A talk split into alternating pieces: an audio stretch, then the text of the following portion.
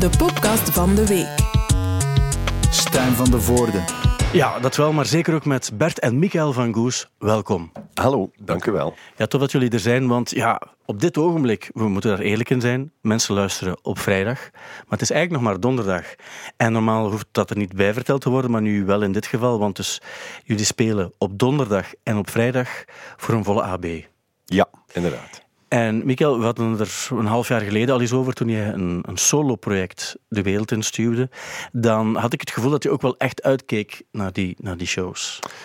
Ja, dat, dat is ook zo. Ehm, ja, we waren toen dat ik eh, mijn eh, solo-EP uitgebracht heb, zaten we toen eigenlijk volop in de opnames van ehm, Endless, de nieuwe Ja. plaat. Dus dat was ehm, heel schizofrene periode. Ehm, maar dus je bent bezig met het ene, maar je bent ook bezig met het ander. En ehm, ja, je kijkt altijd vooruit. En gelukkig had de tijd snel en zijn we vandaag waar we moeten zijn. Ja. Heb je hetzelfde gevoel, Bert? Want de, de plaat is uitgekomen op 11 maart. Dat is Endless uitgekomen. Veel goede reacties, heel veel goede reviews ook heb ik, eh, heb ik gelezen. Ik heb eigenlijk geen enkele slechte review gelezen over de... Ah slechte review. Soms heb je wel mensen die altijd wel over iets zeuren. Niet dat een review altijd zoveel zegt, maar het is tof als het unaniem goed be- bevonden wordt. Ja, daar zijn we wel heel blij mee. Aan de ene kant waren we eigenlijk zelf heel zelfzeker over de plaat. En zijn we van gelijk wat de mensen zeggen of schrijven. Wij zijn er gerust in dat wij gemaakt hebben wat wij wilden maken. Maar het feit dat de mensen het snappen, dat doet wel deugd. Dat, Ja. dat je merkt bij, als je praat over mensen of de reacties, en zeker ook de reviews, dat die eh, eigenlijk kloppen met wat dat wij bedoelden. Dat is wel leuk om te lezen. Maar ik denk ook dat het komt omdat als, als je de, de plaat beluistert, en zeker vanaf het eerste nummer, ik had zo'n soort van, ehm, en dat is bij de rest van de plaat weer helemaal anders, maar bij het eerste nummer had ik een soort van justiegevoel, waarbij het echt zo opgepompt wordt, waarbij je zo die mix krijgt van die electro en die gitaren ook zo. En mensen, hebben, mensen kennen jullie ook wel zo eh, een, een groot stuk. En soms kan je iets nieuw proberen wat heel interessant is, ook wel goed is, maar de mensen zijn daar niet altijd onmiddellijk klaar voor of zo. Of ze hebben tijd nodig om eraan te wennen of zo. Terwijl ik denk dat ze nu het gevoel hadden, dit is echt de, eh, de goose zoals we ze kennen. Ja, dat, dat weet ik eigenlijk ook niet. Nee? Want we proberen toch ook met, met iedere plaat voor onszelf, eh, onszelf te, te verrassen. Maar misschien ehm, zoeken we het misschien eh, te ver. Ehm, en en eh, ik weet niet, allee, misschien zijn, kennen de mensen ons misschien wel beter dan dat wij onszelf kennen. Maar dat, dat denk ik ook wel. Want ehm, je mag de mensen niet overschatten, maar je mag ze ook niet onderschatten. Nee, en ik denk vooral jullie fans, Ja. die kennen jullie veel beter, denk ik, dan jullie zelf Ja. Ja. ook wel soms zouden kunnen denken. Wat, ik- wat ik me ook wel kan voorstellen. Maar ik denk wel, bijvoorbeeld dat eerste nummer Endless, dat start, die power, dat snap ik. Maar dan plots gaat naar het refrein Ja. en dat ging misschien vroeger wel niet gebeurd zijn. Ja, ja. De combinatie van hard en dan eigenlijk toch dromer gaan in het refrein. ja, maar dat is wel waar. Voor ons Maar was dat toch wel iets nieuws. Maar ik denk ook wel dat jullie als, als muzikanten en als producers en als mensen die die dingen maken, als je dan zelf geen muzikant bent, zoals ik bijvoorbeeld, dan maak je altijd snelle vergelijkingen ook wel. En dan, dan, dan koppel je ook aan de dingen die je al kent van jullie ook en zo. En wat je dan vooral ook het gevoel hebt, is er zit zoveel energie in die plaat, dan denk ik ook altijd, live gaat dat heel tof zijn ook. Mhm. En ik denk dat dat ook wel iets is dat, dat, wat de mensen ook wel tof gaan vinden. En ook als je dan weet dat jullie op 19 augustus op Pukkelpop gaan spelen. Ja. En dat er nog best wel wat concerten volgen ook in, in, in heel eh, Europa. eh, Ja. Glasgow, Londen zit er ook allemaal bij. Dan heb ik zo het gevoel van, van hebben jullie dan ook niet ehm, misschien voor het eerst in lange tijd het gevoel van we zijn weer vertrokken? Ja, dat zeker ook. Het voelt ook als een, eh, een nieuwe start. Ja. Ehm, en dat voelt echt goed. Ook, moet ik zeggen, de, de vibe die wij hebben in de studio en ook samen, we genieten echt vol een bak van die periode nu. We hebben ehm, ja, een hele toffe opnameperiode achter de rug. Het schrijven ging eigenlijk ook heel goed, heel vlot, heel snel. Ehm, dus we voelen ons wel goed samen. En eh, om nu ons klaar te maken om op tour te gaan, ehm, ja, maakt ons alleen maar gelukkiger. En ik moet ook denken aan het feit dat als we bezig waren in de studio, als we die nummers aan het schrijven waren, waren we eigenlijk ook, ehm, zelfs niet onbewust, maar gingen we dat ook gaan uitspreken over de AB. Stel u voor, dat nummer in de AB. Het is bijna dat we de plaat gemaakt hebben en tegelijkertijd ons voorgesteld van oké, dat nummer, hoe zouden we dat dan brengen in de AB? En waarom als je in Belgique? Ja, omdat dat, dat is een zaal dat we heel goed kennen. Ehm, De hoeveelste keer is het eigenlijk dat jullie hier spelen? Goh, ik weet het niet. Dat is een goed teken eigenlijk, dat je niet weet. Dat Ja. zeggen heel veel. Eh, Ik denk ergens rond 10 of over de Ja. 10. Allee, daar, daar reken ik ook die, die rockrallies mee. En ehm, ehm, ja, veel toffe dingen hoor. Zo exit parties. Ik denk ook dingen met jullie, met Stubru hebben we daar ook gedaan. Wat, wat ook wel tof is, eh, als ik die, die videoclip eh, bekeek ook, ehm, met die beelden van 20 jaar geleden, die eigenlijk nog kloppen dan op het nummer dat je nu gemaakt hebt, dan, dan was het heel geestig om te zien. Ik denk dat het echt van Rock Rally en, Ja. en Studio Brussel dingen, en ook eh Pukkelpops of Werchter zelfs ook, die er ook nog tussen zaten, zo toch al sinds outdoor festivals ook. Eh, heel, heel toffe clip. En ook misschien, ja, mogen we dat dan zien als een soort van 20-jarig eh, eh, bestaansviering op een of andere manier? Of wat was de reden om die, is die een oude beetje- het is een, eh, een dubbel ding. Het is sowieso is het leuk om te zien. Ja, oude beelden, dat je eigenlijk ziet dat dat enthousiasme van vroeger nog altijd relevant is om nu op onze muziek te zetten. Ja. Deels is het een beetje nostalgisch en dat ziet er ook zo uit, maar aan de andere kant is het voor ons ook een bevestiging van toen waren we zo en eigenlijk zijn we nog altijd zo. En we blijven doorgaan Ja. met die energie. En wat ook interessant is, denk ik, bij jullie, ehm, ja, jullie bestaan al lang, maar het valt me ook op dat jullie fans eigenlijk heel jong blijven. Allee, die oude neem je mee, maar die jongen ik bijvoorbeeld eh, Fien en Thibaut, Ja, ja. die, die, die zijn een heel grote fan ook, terwijl dat zijn eigenlijk eh, twintigers. En die hebben het uiteraard twintig jaar geleden niet meegemaakt, maar die, die, blijf je, die blijf je meenemen. En dat is ook wel de kunst van een band. Dat is ook teken dat je niet, niet veroudert. Of, ge- ah, jullie moeten de eerstkomende 30 jaar niet op de Night of the Proms gaan staan. Nee, Dat is een geruststelling ook, denk ik.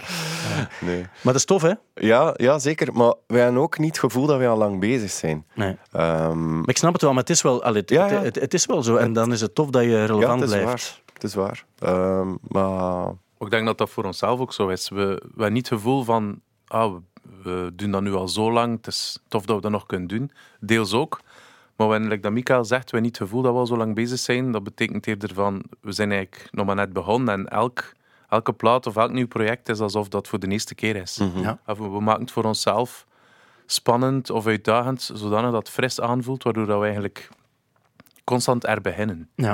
En het is eigenlijk, ja, ook die videoclip is niet terugkijken op de carrière, maar het is eerder ehm, een voortzetting van Ja. die, hetgeen dat die jonge gastjes vroeger deden, zijn we nog altijd aan het doen. Iets nieuws en ja, live spelen blijft ook belangrijk. Dus eigenlijk, ehm, Maar ja, op een paar kapsels en een paar kledingstukken die nu misschien niet meer gedragen zullen worden, is er niet veel veranderd. Hè? Dat is het ook. eh, het, het goede eraan. Weten jullie nog jullie allereerste concert in een volle zaal? in een volle zaal, zeg je erbij. Ja, ja, dat is belangrijk. Het is ook logisch als je start dat het niet noodzakelijk in een volle zaal Ja, eh, dat is zeker. We hebben eh, heel lang in een lege zaal gespeeld. De eerste keer in een volle AB. Goh, ja, dat is pas laat gekomen. Eh, met de eerste plaat met Bring It On zijn we nooit in de AB geweest. Is echt? Ja. Ja. maar dat was Eh, misschien nog wel de eerste keer eh Werther, was dat Werther? Ah ja, ja, dat is een tent. Dat is een tent. Ja. Maar dat was Maar wel een volle goed, tent. Ja, Ja, het zal wel, ja. Ja, dat was 2007. ik denk was- van gevoel dat dat wel de eerste keer was dat eh, we hadden een tour gedaan in Engeland, denk ik. Ja. Of een beetje in Europa. En dan kwamen we terug in België en was een van de eerste shows Werther. Ja. En dat was een volle tent en dat was ja, boven ons verwachting. De reactie, de, de ambiance, de energie. ja, de mensen stonden echt klaar voor ons. En dat waren we niet gewoon, want, like wat Bert zegt, we kwamen van Engeland, uit heel Europa met die tourbus. En waar we speelden, kenden de mensen ons niet. Ja. Dus dat was altijd ehm, ja, een gevecht om het publiek voor u te winnen. En dan kom je in België terug en die tent staat vol. En iedereen staat gewoon klaar voor u en was al aan het roepen voor... En ik kreeg weer kippenvel. Dat- Je durft bijna niet op podium stappen, gewoon omdat het zo overweldigend is. Mensen voelen ook, als, als het enthousiasme er hangt, je voelt dat ook hè, Ja. aan een zaal, zo die, die aan het wachten zijn, of een, een tent, maakt Ja. niet uit. En dan, ik vind het altijd onwaarschijnlijk op zo'n festival, als je, je kan het zo hard voelen, dat de mensen er klaar voor zijn. Ja. En je hebt ook concerten waarbij het komt ook wel, maar als het, als het voor het concert begint ja. al hebben, dat is die energie, dat is Nee, een soort nee. van onbeschrijfelijk iets. Ehm, ik, ik vroeg het ook maar omdat er ehm, een goede vriend van mij, een goede vriend van de, van de podcast, heeft zijn allereerste concert gegeven dit weekend. Eh, in de casino in Sint-Niklaas, waar jullie ook al eh, gespeeld hebben Ja, of getry-out hebben. En dat was helemaal uitverkocht en de mensen zagen het ook wel zitten. Maar het was wel het allereerste concert van Otto Jan Ham, daar gaat het over met zijn band Hair Baby. En ik dacht van, misschien kan ik hem ook even bellen, want hij heeft nu een soort van, hij leeft nu denk ik een beetje op een wolk. Hij hoort dit niet uiteraard, want ik moet hem nog bellen. Maar hij heeft op een, op een wolk ook en hij wil ook wel graag nog, ja, nog verder spelen natuurlijk. Dat is als je een goede show hebt gehad. Dus als je het goed vindt, ga ik hem even bellen ook. En kunnen jullie misschien ook als mensen met ervaring ehm, van een goed concert meegemaakt eh, te hebben, eh, met hem ook even, ehm, ja, even praten. En eventueel ook een, hier en daar een tip kan eh, uiteraard ook nooit kwaad. Dus ik ga hem even, ehm, even bellen. Hopelijk lukt dat ook. Dit is de voicemail van Otto Jan Ham. Dus het is een eh, voicemail. Maar misschien kunnen we wel iets inspreken op zijn voicemail. Ja. Eh, omdat uiteindelijk, het gaat ook over een soort van eh, carrièreadvies. En hij zal er wel nog eens naar, naar willen herbeluisteren ook. Ja. Dus even luisteren. Eh, voilà, dat was het. Dank u. Ja. Otto Jan, eh, we bellen vanuit de Popcast Studio. En ik ben hier met, eh, met Bert en Michael van Goes.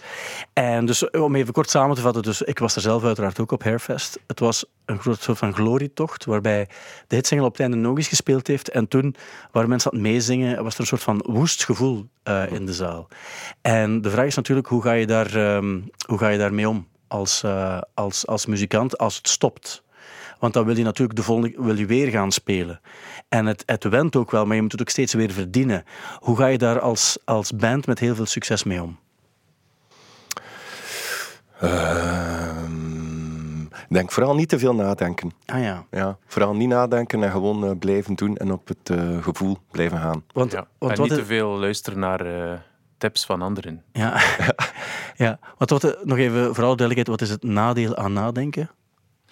Nadeel aan nadenken. Eh, ja, je blijft een beetje- het nadeel of het eh, ding zou kunnen zijn dat je in een loop belandt. Ja. Waar je een eindeloze loop aan gedachten, waar dat je toch niet uit kan, en dat je ondertussen heel veel minuten verspilt en energie, en Ja. dat je eigenlijk iets heel veel leukers kunt doen. Ja, Terwijl oké. dat het juiste antwoord het eerste was die in u opkwam.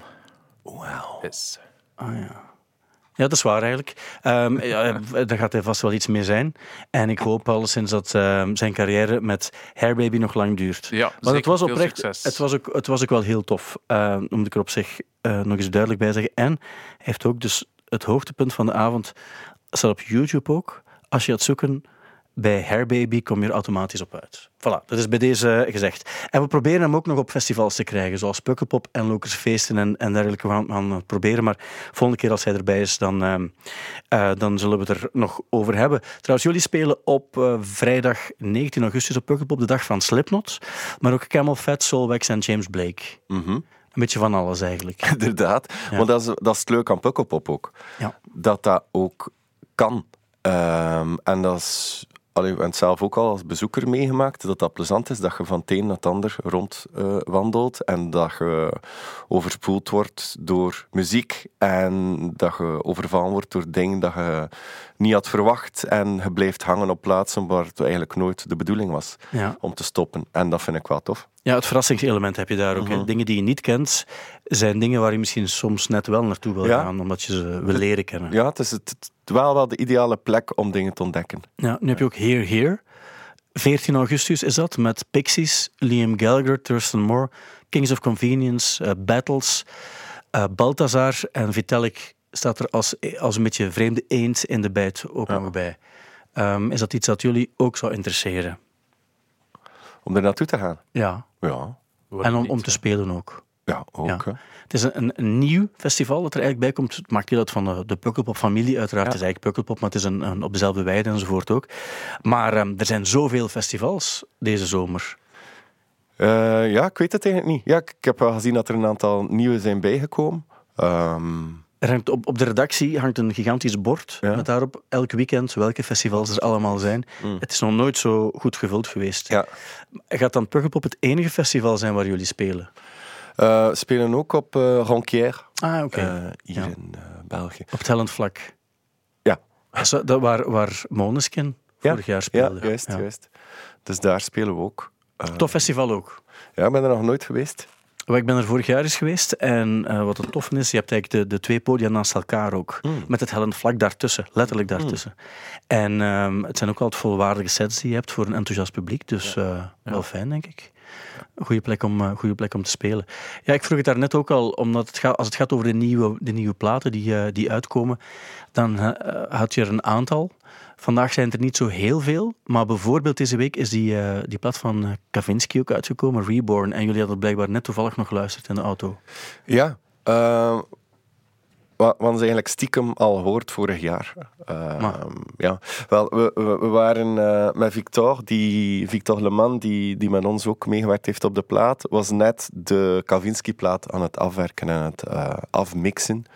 Dus ehm, de master is ook binnengekomen terwijl dat wij eh, bezig waren. Dus hebben we hem daar ook kunnen van meegenieten en, en geluisterd. Ehm, Het is- ja. Het is iets vreemd ook, hè, want eh, zo 2007, dan toerde hij met al die Ja. Daft Punk-achtige achtige bands en, en, en Justice en eh, de, de Rapture en zo. En dan hoor je er heel lang niets meer van. Dat is ook, is meer dan tien jaar na Nightcall bijvoorbeeld. En dan plots is er nu een plaat, eigenlijk in diezelfde sfeer nog steeds van, van Nightcall. Maar het is ook, is ook een acteur, denk ik, die, eh die gast speelt mee in een aantal films ook. Maar Wel, ik, ik heb hem nu toevallig voor een maand of twee geleden zagen we hem op een verjaardagsfeestje. En ehm, daar vertelde hij dat hij eigenlijk wel stiekem graag een acteur wou geweest zijn. ja, ja. En daar heeft hij een heel moment eh Benoit van Poelvoorde nagedaan.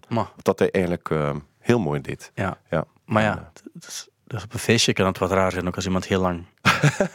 Nee, nee, maar het is een heel goede verteller. Ah. Ehm, denk, eh geef hem een one-man show en denk dat we, eh, dat we een fantastische avond hebben. ja. Het was ook de tofste figuur bijna op dat, op dat feestje. Ah, oké. Ja. Ja.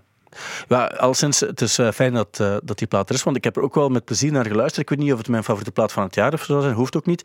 Maar ik vond het wel, wel opvallend dat het nog altijd exact diezelfde sfeer is als, als van waar we het eigenlijk kenden. En dat er zoveel tijd tussen zit. Ehm, maar er zal vast een goede reden voor bestaan. Ja, De plaat heet dan ook Reborn. ja.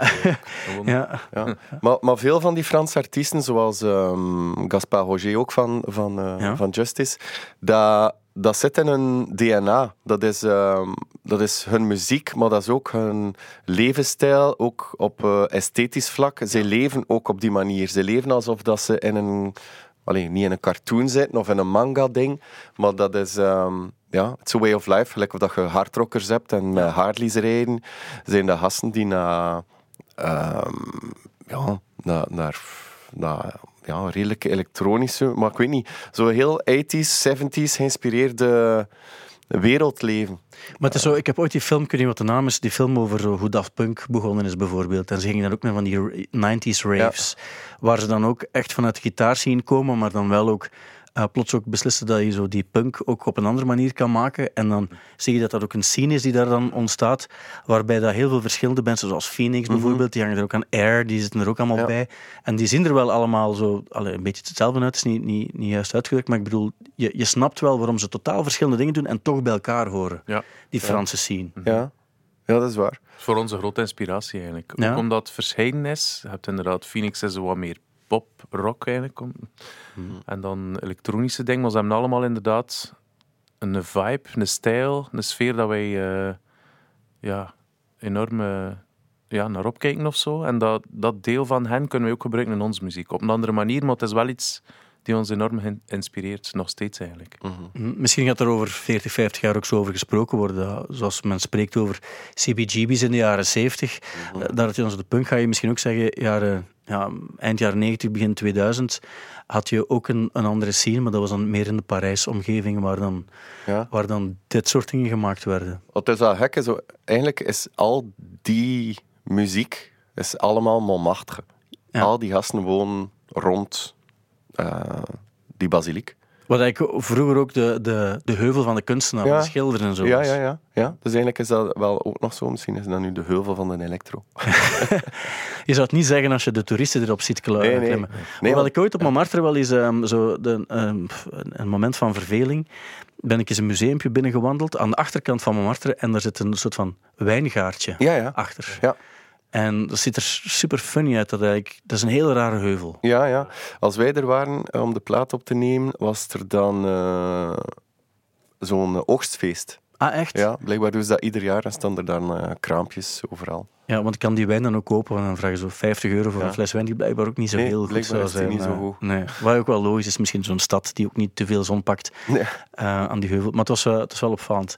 Ehm, ja, ander muzieknieuws ook van deze week is ja, Taylor Hawkins bleek plots gestorven Ja. te zijn. Ehm, ja, dan, dan, dan kan ik me voorstellen als muziekliefhebber, misschien ook nog meer als, als drummer, eh, dat je dan toch het gevoel hebt van, eh, uiteraard, alles wat we weten, veel te jong en, eh, en zeer treurig ook. Eh, en ja, je kan het je bijna niet voorstellen dat iemand die deel uitmaakt van iets als Foo Fighters, wat een soort van breed instituut van de rockmuziek is, dat, dat, dat die mensen zo vroeg sterven nog. Ja, het is vooral ja, jammer om te zien dat als je kijkt naar rocksterren of popsterren, dan denk je, die hebben het leven, die, die, die zijn er, die zijn altijd blij. Maar er zijn toch heel veel bewijzen in het verleden en ja, nu, nu nog altijd, dat, dat er erge dingen gebeuren of dat die mensen niet goed in hun vel zitten en dat ze naar middelen grijpen die, waarvan je denkt, het is niet nodig, want ze zijn rocksterren, ze hebben alles, ze hebben geld, ze, hebben, ze kunnen ja, doen wat ze willen, maar dat is niet zo. Ieder, iedereen is gewoon een persoon en ja, het is... Het is, het is heel vreemd. Het is ook effectief. eh, hij is gestorven in, in eh, Bogota. Ehm, je weet dat hij daar zou gespeeld hebben voor een gigantische arena, elke avond opnieuw. Ehm, en het is exact zoals je zegt, denk ik, hè, dat die mensen op een bepaald ogenblik ook alleen in een hotelkamer komen. En dan ook eh, met hun eigen demons eh, moeten vechten, zoals hij twintig jaar geleden ook al heeft gedaan. Want dat is misschien ook heel opvallend. En, en wat mensen soms niet begrijpen, is dat een tour, ook al zit je constant tussen de mensen, dat het toch een soort van eenzaam gevoel kan hebben. Ja, het einde van de rit zit je met jezelf. Hè. Ehm, en ik denk misschien, je kunt van alles doen om, om dat niet te doen. En eh, om manieren te vinden om niet met jezelf geconfronteerd te zijn. Maar eh, wherever you go, there you are. Oeh. Ja, maar het is wel waar natuurlijk, hè, dat je weet dat dat, eh, dat is hetgeen wat ehm, mensen die, die misschien een dagdagelijkse job hebben en misschien ook wat stabieler in een vel zitten, dat ze vaak onderschatten dat als je gaat toeren, ook al zit je in een wereld bent en heb je het gevoel je doet het in de best mogelijke omstandigheden, eh, dat dat toch een soort van zeer belastend iets kan zijn, ook voor, voor, je, voor je hoofd, om daar elke keer opnieuw mee om te gaan. Dat is opnieuw heel persoonlijk, denk ik. Je kunt er ook enorm van opgeladen zijn. En ik denk voor ons is dat bijna onze bestaansreden. Neemt dat weg en dan, dan vallen we in een gat. Ehm, maar ik denk dat we ook heel goed moeten oppassen. En dat is, dat is het gevaar als er zo een talent verdwijnt. Is om, om ook eh, talent gelijk te stellen aan eh, psychische probleem. Of eh, je moet heel labiel zijn en suicidaal zijn om talent te hebben. Ik denk dat het heel belangrijk is dat we ook de boodschap geven van je kunt supergoed in je vel zitten en gezond zijn en een goed familieleven hebben en een, heel, een hele mooie carrière hebben.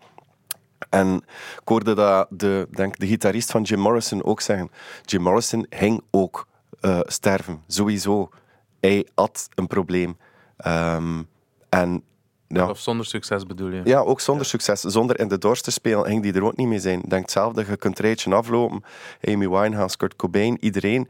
Misschien niet zo snel, maar dat zijn mensen met onderliggend problemen die, die niets te maken heeft met, met hun succes. En ja, ik vind het ook heel gevaarlijk om te zeggen, een genie moet ook een beetje labiel zijn, anders kun je geen genie zijn. Voor een stuk ja, je moet apart zijn, maar dan psychisch probleem is dan denk ik nog iets anders. Het zijn natuurlijk ook die, die ehm, eh, de mensen waarbij het wel fout gaat, die onthouden we veel langer dan de mensen waarbij het allemaal goed gaat en, en met wie het gezond is. Ik denk misschien het enige verschil met Amy Winehouse en Kurt Cobain en zo, waarbij, waarbij Kurt Cobain heeft, heeft eh, enkele maanden, twee maanden voor zijn, zijn zelfmoord dan, heeft hij al een overdosis gehad enzovoort. Bij Taylor Hawkins stond eigenlijk bekend dat hij vrij gezond eh, was op dat ogenblik en dat het daarom misschien een grotere ver- verrassing, een verrassing was dan bij bijvoorbeeld een Amy Winehouse. Ja, Ja. Maar we kunnen er op zich niet, niet veel over zeggen, ik snap Nee. het ook wel, maar, maar het, is, het is heel persoonsgebonden. ja. Ja. Ja, en ook, ik vind ook, eh, soms vind ik een beetje het, oh, ja, beeld ik mij in, een anoniem persoon sterft. Om heel dezelfde reden. Heel de wereld staat niet stil, de wereld gaat gewoon door. En soms vind ik het een beetje jammer voor de mensen die we niet kennen, dat er daar ook niet zo om gerouwd wordt. Ik begrijp dat ook, het is ook normaal en iedereen is fan en zo. Hij heeft natuurlijk zijn, zijn Ja. muzikale legacy Ja. en sommige mensen hebben dan ook iets met die nummers waar Ja. hij mede verantwoordelijk voor is. Ja, Ja, het is maar het is ook maar muziek en ik denk soms een kastenbouwer heeft ook een enorme legacy. Eh, Dat is waar. Maar, over de- generaties heen, die van huis naar huis, allee, in een huis blijven en de bewoner verandert. maar nu ben je natuurlijk je, je eigen impact van muziek een beetje aan het onderschatten. Want dat is net het coole aan muziek. dat Een kast is heel tof als je die hebt. Er is één kast in mijn huis waar ik zeer tevreden over ben. Ehm, maar ehm, daarnaast heb je wel zo de, het feit dat, het zijn de clichés natuurlijk, maar dat je wel, als je een heel goed nummer hebt, dat dat echt iets gigantisch kan betekenen voor mensen. Vaak ook omdat ze er een eigen ding aan koppelen of zo, dat eigenlijk ni- niets met het nummer te maken heeft.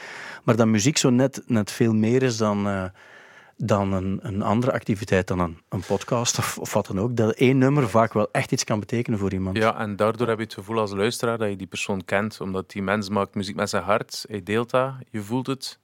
Dus, en het is daarom dat er meer mensen mee bezig zijn. Maar ik snap ook wat je bedoelt. Ja, we, mogen, we moeten niet, niet Het is niet overdrijven. erger dan nee. gelijk welk soort persoon. Nee. Totaal niet. Nee, nee, absoluut niet. Eh, en, maar het is wel opvallend dat als er... Als, nee, maar het is wel zo dat er normaal als er een, een, een drummer van een band, zelfs als het een grote sterft, dan is- heb je normaal niet diezelfde impact en reacties die, die binnenkomen als, eh, als bij hem. Omdat hij zo net, net dat iets, ietsje meer had en meer voor de band betekende en veel met andere mensen samengewerkt heeft ook en zo.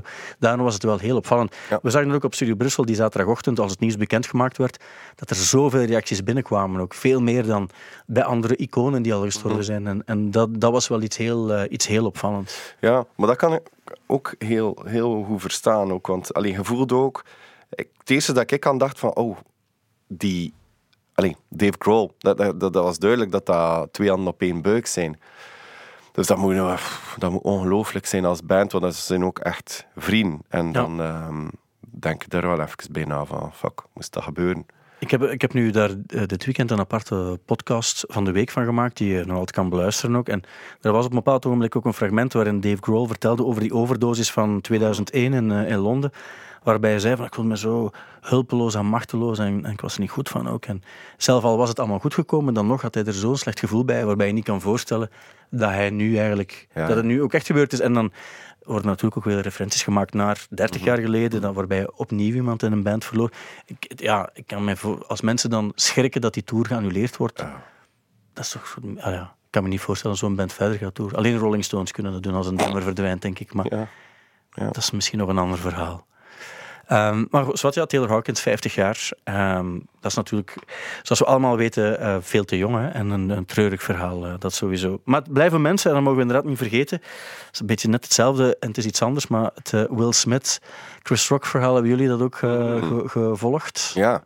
Je kon, kon het moeilijk niet volgen, Ja. denk ik. Dus dat. Ehm, maar, en dan is ook het, het mooie, iedereen heeft daar een mening over. Het lijkt zelfs alsof je een kamp moet kiezen ook, tussen het Chris Rock kamp en het, en het Will Smith kamp. Waarbij mensen, heb ik ook het gevoel, als de dagen verder gingen, een mening ook een beetje, of, of aan welk kamp ze ook zaten, een, een mening hebben bijgeschaafd. Ehm, waarbij het ook ging, en dat is misschien, heeft ook meer met muziek te maken, ehm, waarbij ik vooral onthouden heb dat de algemeen, het algemene gevoel een beetje was, eh, of je nu, nu voor of los van de mop of ze goed was of niet. Ze was niet goed, daar was iedereen het over eens, denk ik. Maar iemand die op een podium staat, dan moet hij eigenlijk sowieso altijd afblijven. Ehm, dat, zo heb ik het in het algemeen zo wat aangevoeld. Wat was jullie gevoel eh, bij het hele gebeuren? Ehm, mijn gevoel was dat dat eigenlijk een situatie is die evengoed in een klaslokaal of op straat zou gebeuren, maar dan op televisie. En dan wordt alles uitvergroot. En dat is ten nadele van de mensen die het meemaken.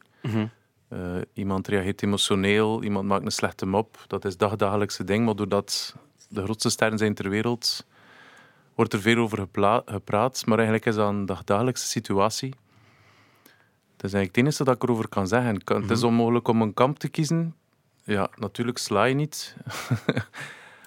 maar ja, We kiezen wel een kamp. Chris Rock. Ja. Ja. Ik, snap het, ik snap het ergens ook wel. Het is gewoon... Heeft dat zo schoon ook gedaan. Mega professioneel. Ah, Maar da- daar, was ik, daar was ik niet... Van het hele ding denk ik dat, dat ik daar het meest niet goed van was. Ja. Want je moet er maar staan. Je weet, het is, het is Oscars. Kijk, zoveel miljoenen mensen. Ja, die Ehm, druk alleen al is enorm. Ja, je maakt een... een ik vond de mop vond ik, vond ik niet funny, vond ik niet grappig. Ik vind het ook niet nodig om effectief met iemand die een bepaalde ehm, aandoening heeft en je weet dat die... Want ze kennen elkaar, dus je weet, ze zal op een of andere manier toch wel weten dat dat, niet makkelijk is voor haar. Om daar een slechte mop over te maken, is wat. Maar dat is humor, daar kan je nog bij zeggen, eh, dat is persoonlijk ook. Ehm, maar eh, dat je dan het podium opwandelt, iemand de slag in het gezicht heeft, daar kunnen het over eens zijn, ja, geweld, hè, dat is nooit oplossing, enzovoort. Hij had het veel cooler kunnen doen daarna in zijn speech. En dan had iedereen aan zijn kant gestaan, daar ben ik 100% zeker van. Ja. En nu heeft het eigenlijk voor zichzelf ook wel wat kapot gemaakt. Ja, en dat vind ik ook jammer, want ik keek ook heel graag naar Will Smith. Mm. Ik vond dat gelijk een toffe gast. ehm, vol goede bedoeling en al heel lang. eh, Maar misschien is, hij dat, misschien is hij dat ook wel. Ik denk dat niemand Ja. perfect is. Voilà, is en wel dat een is beetje- mens ook. Maar ja. het is wel een beetje bezoedeld nu. Ehm ah ja, en dat Ja. vind ik eh, jammer. Ik had, het zou toch even duren dat ik... Ja, het heeft eh, zo'n vuile kant van hem, naar, aan een menselijke kant. Hè. Maar dat is niet de kant... Eigenlijk wil je, eh, als je naar tv kijkt, wil je geen menselijke kant zien. Je wil ze zien voor hun eh, werk. Dus een goede acteur, artiest. Daarvoor kijk je ernaar. Eh, en nu heb je zo'n inkijk gekregen, gekregen in zo de, de, de lelijkste kant van iemand. En dat dan nog op tv. Ja, dat is jammer. Dat, we, dat we, wil je eigenlijk als fan niet zien. Ja. Anderzijds is het misschien zoals bij de Griekse goden, die hadden ook altijd één groot nadeel of één, één negatief kantje. En mi- Misschien is die, eh, ja, die, die menselijke kant die hij ook heeft. Maar, maar het, is, het, is, het is zoals je zei, dan volg ik helemaal hoe, hij hoe die Chris Rock reageerde. Stel voor, hij slaat iemand en hij sloeg hard. Hè. Hij zag, hij sloeg echt hard. En dan weten wat je moet doen en ook... eh, hij, zou ook hij zou kunnen reageren ook, maar dat is een, ik vond dat onwaarschijnlijk hoe hij dat opgelost heeft op die korte tijd. Heel, heel... En dat is bijna niet professioneel. Dat is bijna een soort van. ah, het is misschien wel professioneel, want hij is dat gewoon om voor heel veel mensen te staan. En blijkbaar is zijn ticketverkoop ook enorm gestegen daarna. Ehm, maar maar om, om te weten hoe je dan juist reageert daarop, daar heb ik dan wel weer. Een gentleman. Ja, Dan zie je dat dat... Ja, ja. Schoon. Schone mens. Het is eh, schoon in een, in een vreemd verhaal. En vooral ook het gedoe, het gedoe daarbij. Het is, mij- ik dacht ook onmiddellijk aan, aan eh, want het gaat over al- alopecia. Ja. Is dan eh, de ziekte waarbij je haaruitval op bepaalde plaatsen kan hebben. Ik weet ook nog, op het ogenblik dat Alex Callier zijn wenkbrauw verloor, om dezelfde reden, Mhm. dan was het ook schieten met, met, met moppen die vaak ook eigenlijk niet, Ja. niet funny waren. Ehm, en dan is het misschien wel door zo'n omstandigheden dat mensen dus bij stilstaan. Oké, dat is iets. Sommige mensen hebben, daar, hebben het daar moeilijk mee, anderen niet. Ehm, maar dan wordt er wel eens bij stilgestaan dat het bestaat. Ja, het bestaat eh, ja, in veel vorm. Ehm, ik heb er zelfs ook een beetje last van. Ik heb met momenten hier een stuk eh, baard Ah, ja, die, weggaat. Eh, Het komt Dus bij ja. 1 op 10, 1 op 10 mensen voor, ja, blijkbaar. maar Ja. het groeit wel terug en dan, dan gaat het weer weg. En dat is bij momenten van, ik weet niet, vermoeidheid. Ja, vermoeidheid, stress en zo blijkbaar kunnen het. ja. Oké, eh, wel, wel, voilà. Eh, alleszins, ehm, de, de, de, En daar ga ik nooit mee lachen, Michael. Nee, dank je. Nee. Anders krijg ik misschien een klap. Maar is het ding ook niet dat je er misschien wel mee zou kunnen lachen op voorwaarde dat je weet dat, dat je er niet helemaal van in de put zit en op voorwaarde dat je weet dat je mop wel echt goed is? Ik denk dat gewoon de G.I. Ja. Jane-referentie was gewoon flauw en gemakkelijk en te lang geleden ook en zo. Ah, Zo'n Ricky Gervais, zo'n Ricky Ja, Gervais voilà. bijvoorbeeld, hoe hij het doet, is, is, is ook keihard. Maar het gaat wel over professionele dingen, slechte films waar mensen die meegespeeld hebben. Ik denk dat vooral het fysieke aanvallen... Ja, Zwart. maar de, de humordiscussie is een heel moeilijke. Ja, En ik, vind, ja, het is, ik kan er mij niet over uitspreken omdat ik er niet aan uit ben. Je moet met alles kunnen lachen, ga ik mee akkoord, maar dan toch ook niet. Dus dat is raar. Mhm. Ja. Dat is Niet in mijn hoofd, er niet uit. Maar ik vind wel dat je met alles moet kunnen lachen als het in het juiste kader is. en als een mop goed is ook. Dat, ja, maar ja, dat is moeilijk. Ja, maar ik denk in dit geval dat. dat is, ik kan moeilijk stemmen of zo, hè, maar ik denk wel dat, dat zo als de, de, de, de moppen en de, de punchline, die hier heel letterlijk was, als die goed zit, dan ga je een hele zaal sowieso laten lachen, denk ik. En dat was nu eigenlijk niet het geval. Maar is wat. Dat Ja, is een, een, moeilijk. andere, een ander, moeilijk eh, verhaal.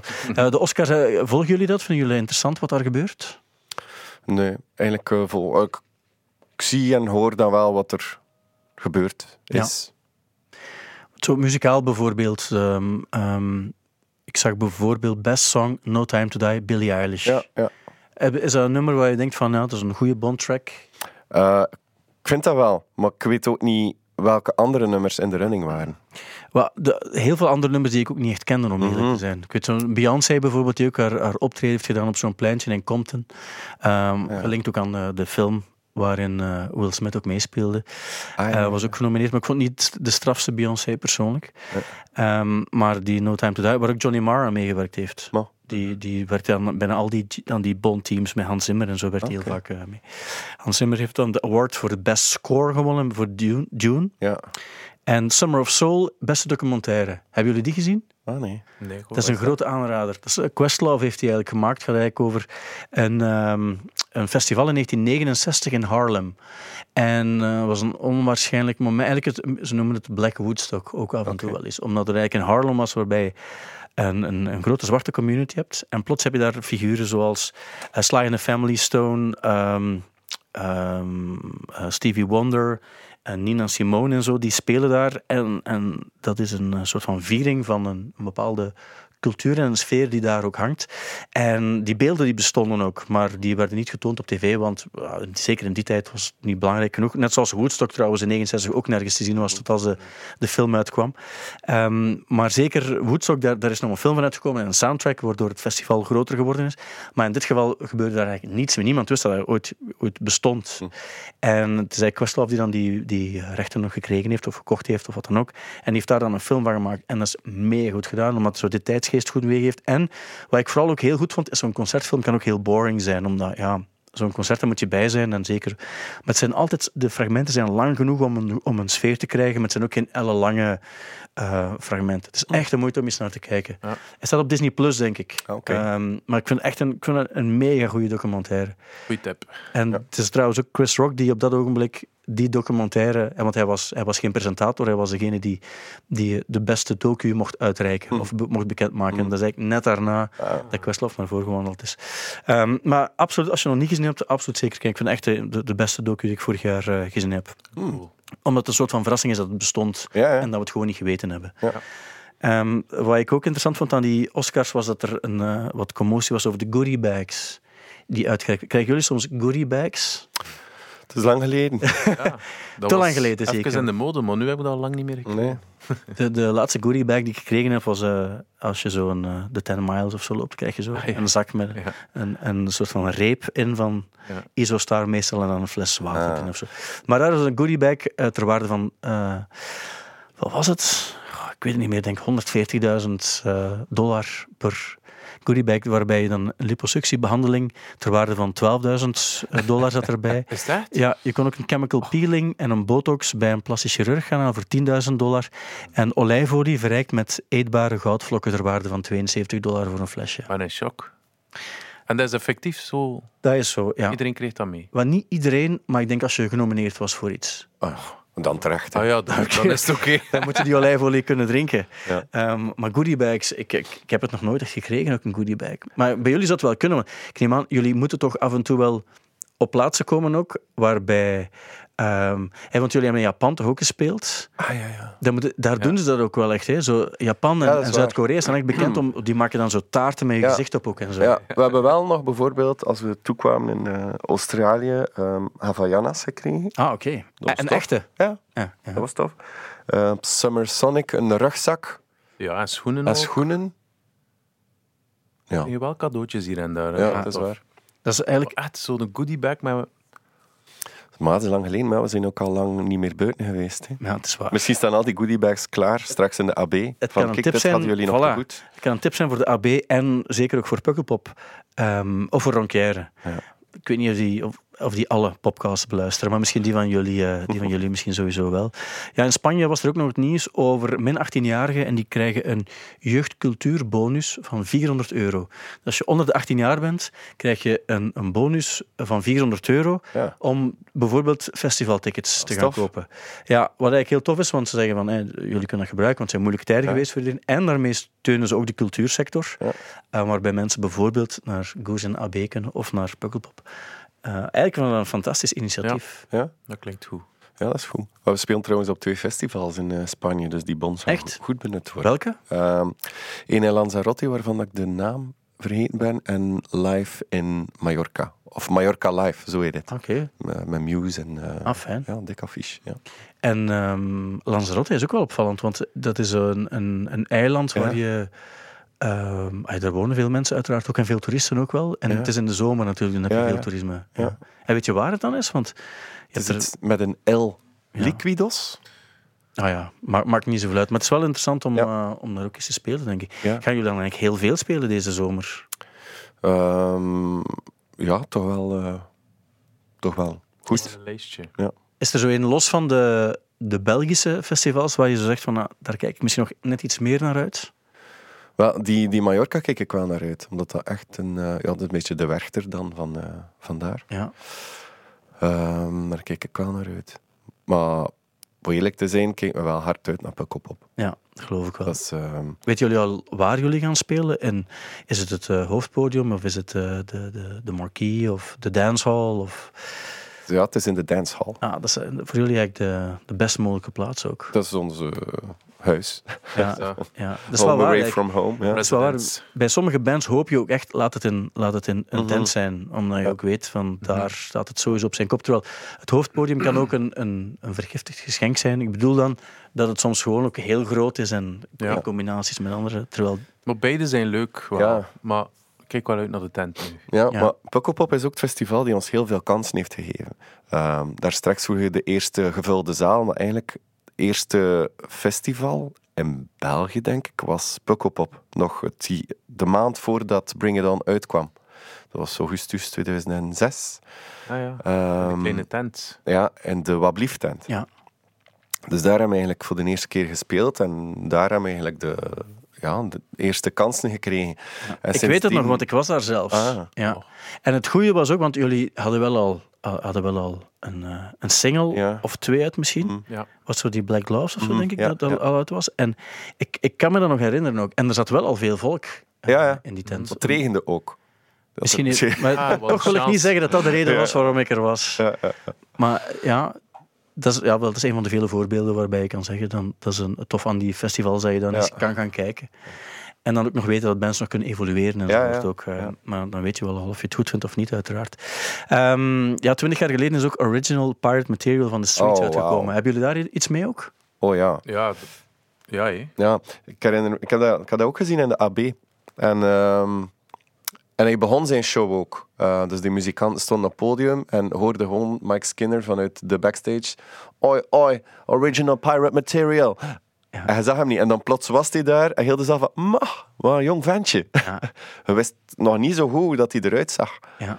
En eh, dat was een fantastische show. En daarachter hebben we hem nog een paar keer gezien, maar het is nooit meer zo goed geweest als toen. Ja, die, Echt. helemaal in het begin was ook... Daarna heeft hij ook een aantal keer zo... Laatste keer op Pukkelpop ook bijvoorbeeld, dan vond ik dat, de sfeer was heel goed. En hij had, hij had er op zich ook wel zin Ja. in. Maar ik had zo het gevoel dat het vuur een beetje ontbrak. En het was al beter. Ja, sorry dat ik onderbreek. Nee, nee, nee, maar, nee, maar absoluut. ik was ook enthousiast. ja, maar dat is, ook cool. Ehm, nee, ik was daar ook op die show. En ik was ook blij van dat vuur terug te zien, maar ook een beetje het gevoel dat hij zichzelf covert. Ja. Dat covers zijn van zijn eigen... eh, Ja, toen was het ook wel de reunie eigenlijk. Eh, Ah, ja. zo werd, het- misschien was het dan ook, dan moet je wel zo'n soort van best of. Maar ergens, want dat is de discussie die we heel. Ah, discussie, het is geen discussie, maar het is wel de vraag. En waarbij het heel gaat vaak over eh, de hits. Die mensen zien jullie vaak voor het eerst. Mhm. En kennen dan eh, de nummers die bij Spotify zo bij de best beluisterde staan. En dat zijn dan de hits eh, Mhm. eh, altijd. En dan is de vraag altijd van, ja, sommige zijn jullie misschien wel wat beu gespeeld. Soms, soms, sommige kan je dan in een nieuw jasje steken, zoals jullie ook al vaak gedaan hebben. Ja. Ehm, maar ehm, ja, hoe, hoe hou je het dan nog interessant voor jullie? Of moet je soms durven zeggen, die en die spelen we niet meer? Dat is afhankelijk van de periode en in welke periode dat je nieuwe plaat uit hebt. Maar nu met deze plaat hebben we wel echt veel zin om heel veel nieuwe nummers te spelen. Ja. En ehm, natuurlijk gecombineerd met wat oude, omdat de mensen ook naar Goose komen kijken en niet enkel naar de nieuwe plaat. Maar zeker nu deze paar shows zijn we echt van plan om heel veel nieuwe te spelen. En eh, dat is voor ons belangrijk. Ja, vooral voor onszelf. Mhm. Maar ik denk ook om gewoon aan te tonen aan de mensen dat we niet gewoon classics spelen of hetgeen dat we vroeger gemaakt hebben, maar dat we echt wel bezig zijn met nieuwe dingen en dat we heel trots op zijn. ja.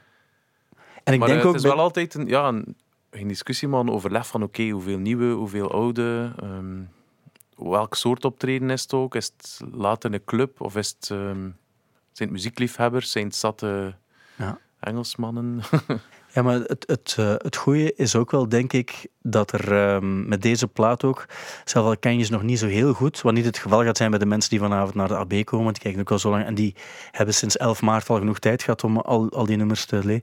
Maar zelf al ken je ze niet, dan zit er vol- volgens mij toch genoeg energie in om, om mensen sowieso, zelf, al- zelf al hoor je het voor het eerst, kan je ze sowieso meekrijgen. En zo is het bij jullie eigenlijk altijd eh, Ja. geweest, denk ik. Dat is Ja. wel een van onze sterktes, dat we Ja. live mensen meekrijgen zonder de, de muziek te kennen. Ja, absoluut. Maar zo zijn we ook met die gedachten zijn we ook begonnen, omdat we ja, er Ja. heel, ons heel goed bewust van waren.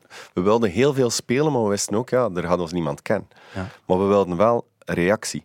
Dus eigenlijk maken we de, ja, maken we het ding op het podium al leuk om, eh, ja, ik weet het niet zo goed dat ik moet zeggen, maar We, we hebben veel gelachen vroeger dat we een ambiance groepje waren in het begin. Ja. We deden dan Elvis Presley covertjes, maar dat was heel in het begin. Of zo, ja, gewoon dansbare ding. En zo is het geëvolueerd. En dan met onze eerste plaat was het ook duidelijk van, gelijk waar we komen, moet een feest zijn. En het gaat niet enkel over de plaat, gaat over wij die live gaan gaan spelen en dat we samen met het publiek een goede tijd hebben. Ja. En dat is al van in het begin en denk Ja. dat dat er nog altijd in zit. ja.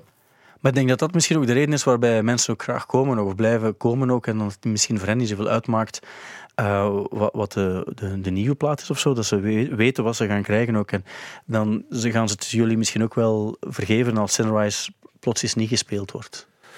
Ja, dat weet ik niet, als Nee, dat wel. vergeven. Ik wil- Het was een test, het was een test, het was een test of jullie ermee eens zouden zijn. Ehm, nee, dat gaan ze jullie niet vergeven. Nee, dat wel nee. niet. Dat moeten we ook eerlijk durven zeggen. Eh, ja, wat er vandaag nog uitkomt is Unlimited Love van de Red Hot Chili Peppers.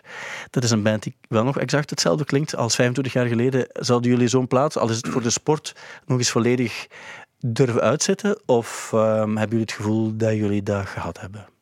Red Hot Chili Peppers? Ja. Ehm, nee, ik ga daar geen moeite voor doen om daar Ja. naar te luisteren. Bert ook niet? Ik ben ook nooit grote fan geweest, Nee. eigenlijk. Oké. Ik weet niet waarom. Er is iets. Iets dat je Ik stoort. de uniekheid en de, al ja, de invloed ervan niet ontkennen. Maar ik heb er nooit... eh, Ja. ja. en ook het hitpotentieel. Ze, ze kunnen echt wel hits schrijven. Ja. Maar nooit van geweest, nee. Nee, oké. Ja, het is, eh, eh, denk ik, voor de mensen die, die lang geleden... Ik denk dat het echt zo'n nostalgieband is voor heel veel mensen nu ook wel. En ze proberen soms op een misschien iets te krampachtige manier ook om, Ja. om jong te blijven. Niet dat je geen eh, skatebroeken en een, en een snor en een scheve pet mag dragen als je 60 bent. Ehm, maar soms wringt het dan een beetje misschien. Ja. Maar Ja. Maar Vond ik vind die, die muziek gaan niet zo goed. dat is een goede reden om niet te luisteren, Ja, bijvoorbeeld. Maar misschien ja. is het inderdaad dat ook. Dat, dat je voelt van... Ze proberen zichzelf te kopiëren, maar dan up-to-date, maar toch niet. En misschien voel je wel dat er iets niet klopt. Ja. Ik moet wel zeggen, ik was volledig mee met Red Hot Chili Peppers zo, ten tijde van Blood Sugar Sex Magic. Zo de plaat met Give It Away en zo. Dat vond ik in die tijd, maar dan spreek ik over 91. Dat klinkt heel oprecht ook toen. Absoluut, Ja, dat En klopt dan- ook helemaal. En, en, en, en live was het ook fantastisch. En, maar, ehm, en ik vond dan ook nog zo die Californication plaat en zo ook nog wel. Maar het Ja. is alleen denk ik de laatste twintig jaar dat, Mhm. dat echt wel... Is er een beetje te veel aan. Ja, het, het hapert hier en daar. Volgende week wel een nieuwe plaat van Calexico, Jack White, Father John Misty en Wet Leg. Dat is volgende week vrijdag allemaal. Dus dat wordt op zich wel een, eh, een Jack goede... White kijk ik wel naar uit. Ja, Dat vind ik eh, een ongelooflijk artiest.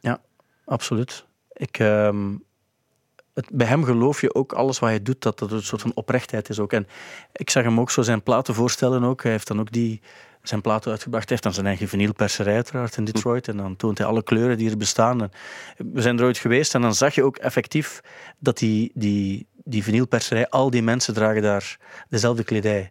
Dus allemaal met een das en zo. Welke job je ook doet. En dat is in een, in een, in een, in een fabriekje waar niemand komt of zo. Hè. Mm. Dus het is gewoon puur voor, voor de sfeer en, en Ja, de, de hij vibe creëert onder ook de echt mensen. zijn eigen wereld. Is- de muziek, maar alles er rond ook. Zijn leven, denk dat dat ook...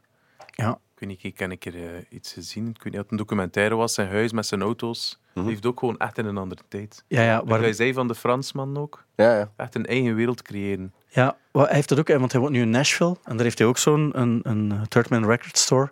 Waarbij er ook allerlei dingen opgenomen worden. Hij heeft een aparte zaal waar hij mensen uitnodigt. En ze persen het dan ook rechtstreeks op vinyl, wat je dan ook kon zien. Ze hebben het ons getoond ook. Dus een band speelt.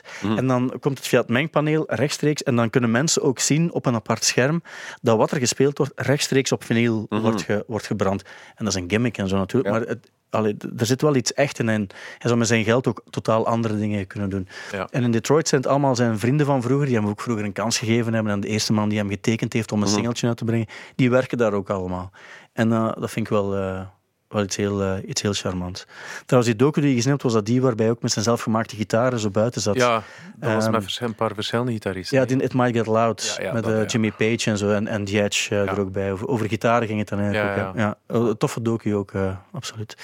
Ehm, ja, Charlotte Di- Digeri is ook zeer goed bezig. Ik was ter voorbereiding van, ehm, van de podcast eens aan het kijken wat is er nog allemaal gebeurd, muzikaal gezien. En ik zag dat Pitchfork een groot artikel Mhm. over haar had. En, en Boris uiteraard ook Ja. erbij. Het is cool dat wij als Belgische artiesten ook op, op eh, een soort van mega credible muziekniveau ook geapprecieerd worden. Zeker, zeker. En dat zijn ook echt mensen die dat 100% verdienen. Die ademen muziek, die, ja, die zijn die muziek. En eh, dat is tof dat dat ook zo opgepikt wordt en zo ook begrepen wordt. Dat het dat is. Ja. Want wat ze maken is niet... Ze hebben geen vlotte radiohits bijvoorbeeld, maar er zit een soort van kunstdingen aan, hè, waarbij het ook funny is en je moet het ook wel kunnen en willen snappen. Ja, ja. Ik ben heel positief verrast over de plaat. Ja. Ja. Ik dacht Snap misschien, ik. weet niet waarom, maar ik had een lichte vooroordeel dat wat eh, te kunst ging zijn, of te bedacht, of te berekend. Maar ik vind eigenlijk dat er heel veel mooie nummers op staan. Ja. Het is, het is eigenlijk zo'n plaat, en het klinkt wel fout om te zeggen, maar het is een heel coole plaat om zo Mhm. naar te luisteren. Ook zo. Ja. Cool wil ook zeggen dat het goed is, uiteraard, maar dat, het ook, dat er iets is dat je nog niet echt gehoord hebt en dat het zo fris genoeg blijft. Ja. Ehm, ja, daar ben ik het eh, volledig mee eens. Ja, ik moet nog één belangrijk ding vragen ook aan jullie. Ik, ik, ik heb het al vaak willen vragen, maar is het waar dus dat jullie bandnaam ooit genoemd is naar Goose uit Top Gun? Ja, Dat is, dat is waar. Ja. Gaan jullie dan kijken op 25 mei naar Maverick dubbelpunt Top Gun? ja. Zeker. En, en met wat voor een, eh, wat voor een gevoel?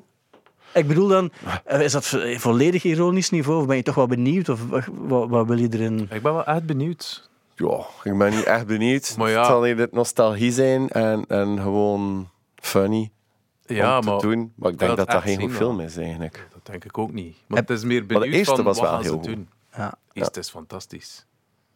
En eh, wanneer is de laatste keer dat je Top Gun hebt gezien? Dan moet ergens normaal in een bus op skireis of zo geweest zijn. Ik weet niet, misschien een jaar of twee, drie Ah, geleden ja. dat dan een keer op tv passeerde. Maar ik heb nooit volledig nog uitgekeken. Nee. Maar vroeger wel ehm, heel veel bekeken.